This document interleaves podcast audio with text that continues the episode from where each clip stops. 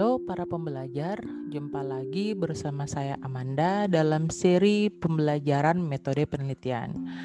Tidak terasa saat ini kita sudah masuk ke episode ketujuh yang mana sebelumnya kita sudah membahas tentang bagaimana cara memilih variabel dan menulis landasan teori berdasarkan variabel-variabel yang sudah kita pilih. Sebelum masuk ke bagian merumuskan hipotesis penelitian, yang harus kita susun terlebih dahulu adalah kerangka berpikir.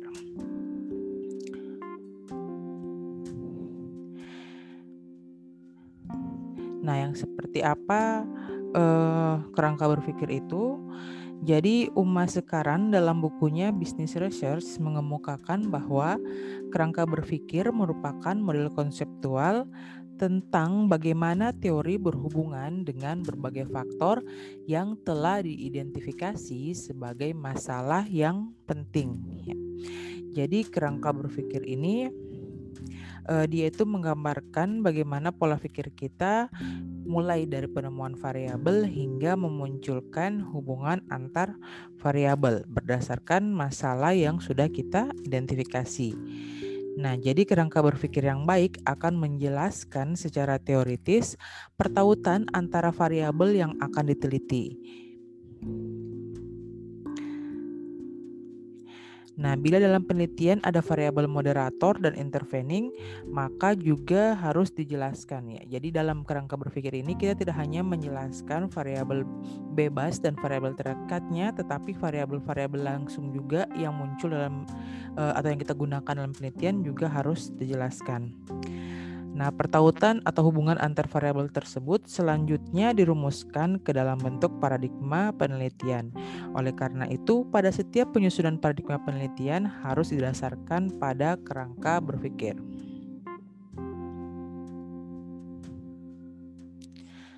Kerangka berpikir dalam suatu penelitian perlu dikemukakan apabila dalam penelitian tersebut berkenaan dengan dua variabel atau lebih. Ya. Jadi uh, dia ini kita munculkan jadi kerangka berpikir kalau kita membicarakan dua variabel atau lebih ya. Jadi harus ada minimal variabel dependen dan variabel independen. Uh, akan tetapi apabila penelitian hanya membahas sebuah variabel atau lebih secara mandiri ya jadi misalnya kita uh, punya penelitian yang ingin menjelaskan secara deskriptif masing-masing variabel, maka yang dilakukan peneliti di samping mengemukakan deskripsi teoritis untuk masing-masing variabel juga harus uh, mengungkapkan argumentasi terhadap variasi besaran variabel yang diteliti, ya. Nah, penelitian yang berkenaan dengan dua variabel atau lebih biasanya dirumuskan hipotesis yang berbentuk komparasi maupun hubungan. Nah, jadi tadi kalau hanya satu variabel, atau variabelnya dijelaskan secara mandiri, berarti yang digunakan adalah hipotesis yang deskriptif. Oleh karena itu, dalam rangka menyusun hipotesis penelitian yang berbentuk hubungan maupun komparasi, eh, di situlah perlu kita kemukakan kerangka berpikir. Nah, seorang peneliti harus menguasai teori-teori ilmiah sebagai dasar bagi argumentasi dalam menyusun kerangka pemikiran yang membuahkan hipotesis. Ya, jadi sebelum ke hipotesis nanti ini kita harus um, menjabarkan dengan baik kerangka pemikirannya. Kerangka pemikiran ini merupakan penjelasan sementara terhadap gejala-gejala yang menjadi objek permasalahan. Ya, jadi sebelum kita turun ke penelitian, uh, secara gambaran umumnya karena kan e, kalau penjabaran di landasan teori itu masih e, menjelaskan secara e, panjang lebar ya terkait variabel-variabel maupun teori yang mendasari hubungan antar variabel. Nah, pada kerangka pemikiran ini kita bisa melihat secara e, singkat bagaimana gejala-gejala yang menjadi objek permasalahan dari yang kita ya dari yang mau kita teliti ya. Nah, kriteria utama agar satu kerangka pemikiran bisa meyakinkan sesama, sesama ilmuwan adalah alur-alur pikiran yang logis dalam membangun suatu kerangka berpikir yang membuahkan kesimpulan yang berupa hipotesis. Nah, di sini berarti kerangka berpikir ini harus merupakan sintesis atau keluaran tentang hubungan antar variabel yang disusun dari berbagai teori yang telah kita deskripsikan. Nah, kita bisa uh, menjabarkan langkah-langkah penyusunan kerangka berpikir itu sebagai berikut. Ya. Yang pertama yang harus kita lakukan adalah menetapkan variabel yang diteliti. Jadi ini kita uh, pada kerangka berpikir ini, uh, walaupun dia itu merupakan uh, terdiri dari beberapa paragraf singkat, tapi dia itu tetap harus dimulai dari menjelaskan variabel yang kita teliti ya. Nah, di sini untuk menentukan kelompok teori apa yang perlu dikemukakan dalam menyusun kerangka berpikir untuk pengajuan hipotesis, maka harus ditetapkan terlebih dahulu variabel penelitiannya. Berapa jumlah variabel yang diteliti dan apakah nama setiap variabel merupakan titik tolak untuk menentukan teori yang akan dikemukakan. Nah, jadi kita sudah setelah kita punya variabelnya dalam kerangka berpikir itu uh, kita akan menjelaskan landasan-landasan teori dari variabel tersebut. Ya, jadi setelah itu langkah selanjutnya yang kita lakukan adalah membaca buku dan hasil penelitian. Jadi buku-buku yang dibaca dalam bentuk buku teks, ensiklopedia dan kamus. Ya, jadi hasil penelitian yang dapat dibaca adalah laporan penelitian jurnal ilmiah, skripsi, tesis, dan disertasi ya. Jadi ini seperti mengulang pembahasan kita pada landasan teori kemarin. Tapi perbedaannya ketika landasan teori kita harus membahas eh, berbagai teori untuk mendukung suatu variabel tertentu ya. Sementara pada kerangka berpikir ini kita hanya mengambil beberapa eh, satu atau dua teori saja yang eh, menjadi patokan kita dalam uh, menjalankan penelitian. Ya, jadi tidak semua landasan teori yang diangkat untuk satu variabel pada uh,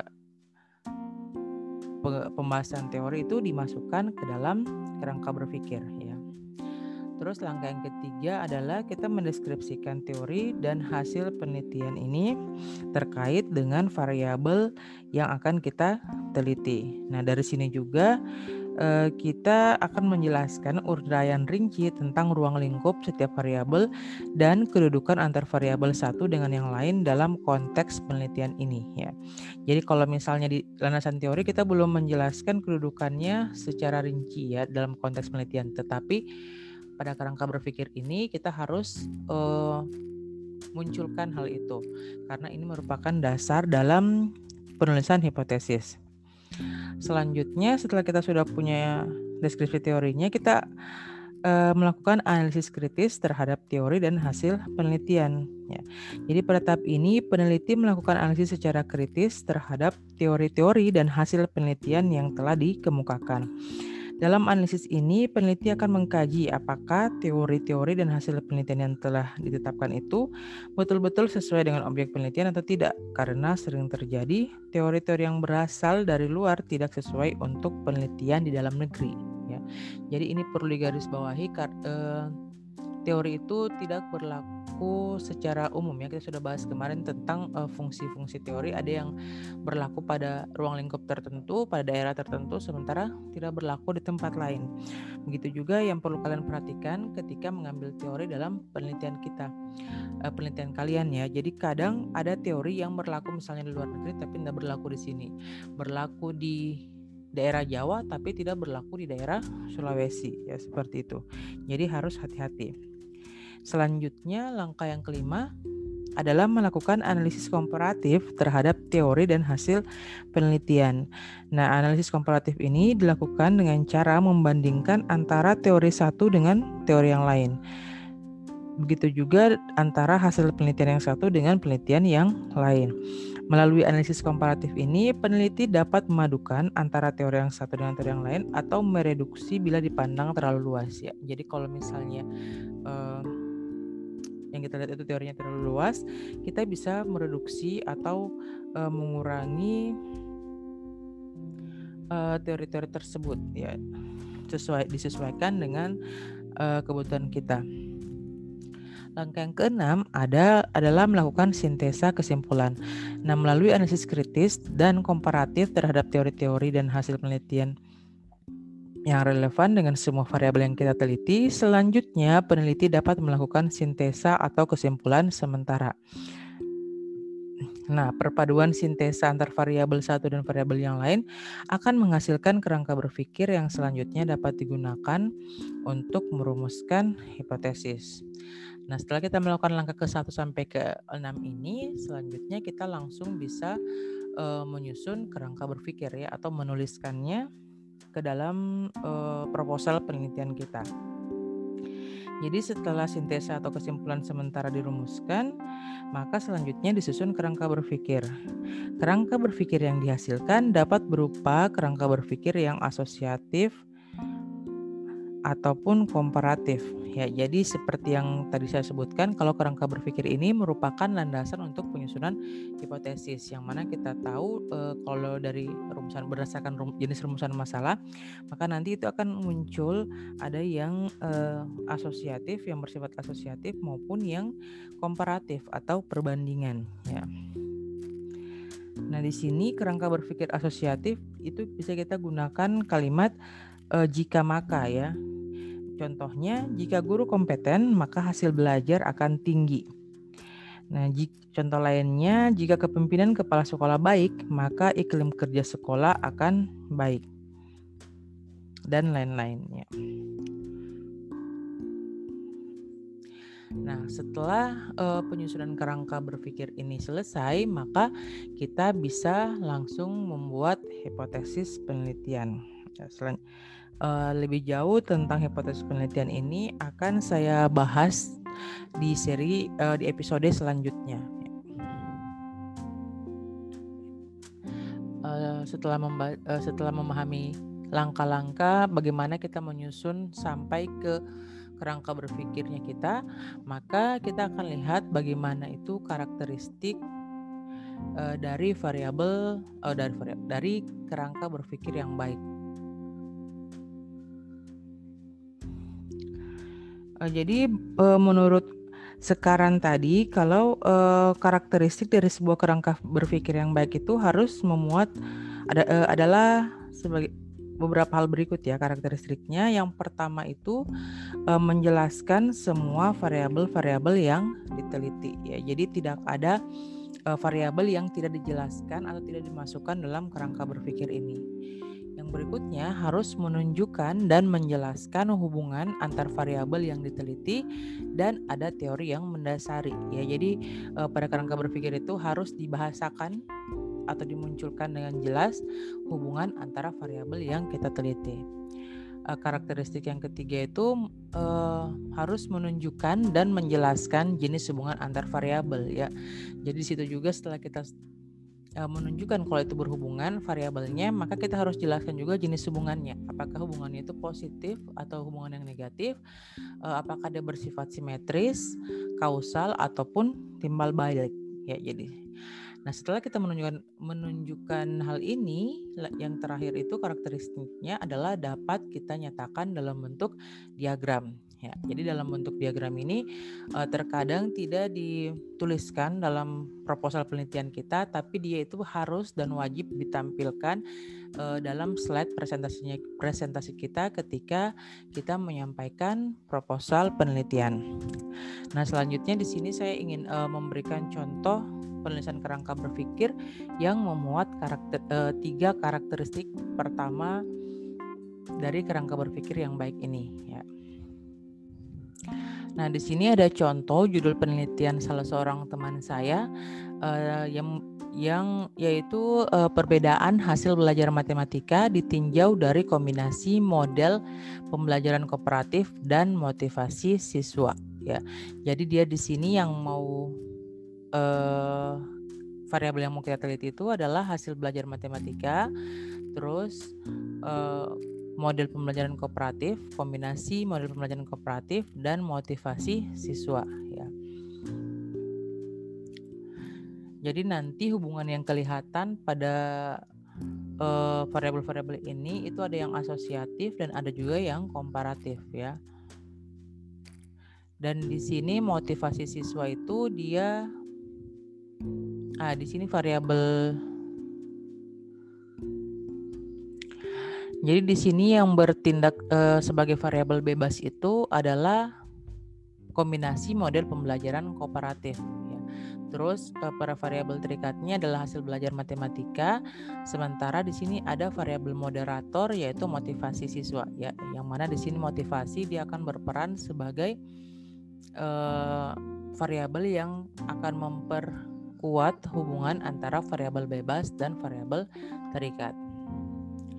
Nah, kita lihat tadi dari karakteristik yang pertama adalah uh, harus uh, menjelaskan kerangka berpikir yang baik itu harus menjelaskan variabel-variabel yang mau diteliti. Ya, jadi dimulai dari uh, biasanya itu dimulai dengan pembahasan tentang penjabaran tentang uh, variabel terikatnya ya.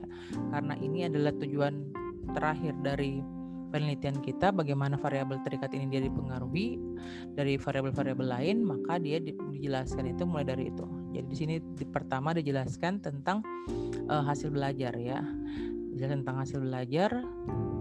Uh, setelah itu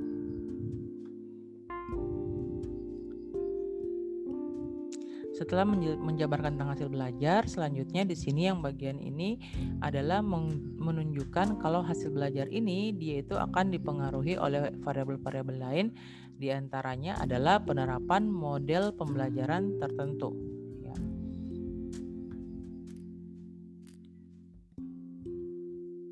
Jadi ini dijabarkan ya. Nah, sementara penyebaran ini semua itu sudah berdasarkan pada hasil-hasil uh, penelitian yang relevan maupun teori yang dijelaskan di bagian sebelumnya dari sebelum kerangka berpikir ini. Nah, setelah membahas tentang bagaimana model pembelajaran itu bisa mempengaruhi hasil belajar, ya di sini dijelaskan semua di bagian sini.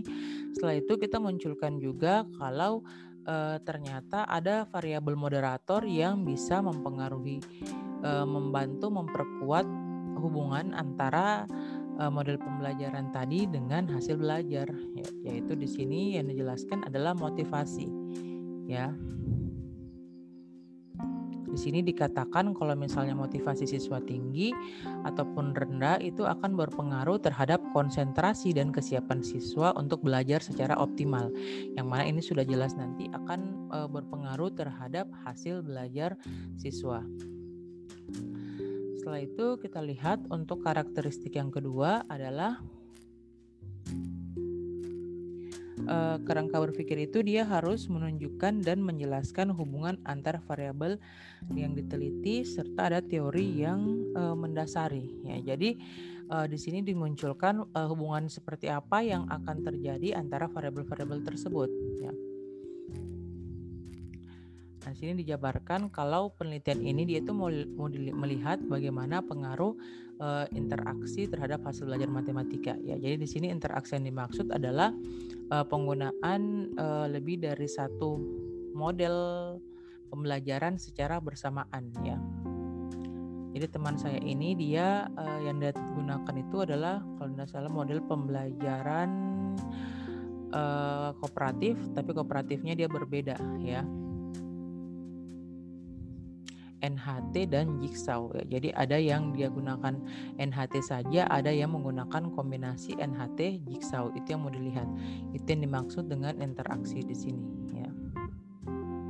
Jadi kalau pengaruh berarti yang dilihat itu adalah hubungan uh, sebab akibat ya. Di sini dijabarkan dengan jelas bagaimana itu terus teori-teori apa yang mendasari. Ya, dilihat di sini kalau uh, perbedaannya antara kerangka berpikir dan landasan teori. Pada saat di landasan teori itu uh, setiap penjabaran teori dari seseorang itu akan dimasukkan uh, sitasinya ya. Tapi kalau di sini oh dimasukkan juga tapi dalam bentuk catatan kaki jadi jangan lupa tetap dimasukkan sitasinya ya. Jadi kalau bentuk sitasi itu berbeda-beda tergantung dari uh, peraturan kar penulisan karya tulis kalian ya. Jadi pada bagian ini ditunjukkan setiap hubungan itu dan apa teori yang mendasarinya.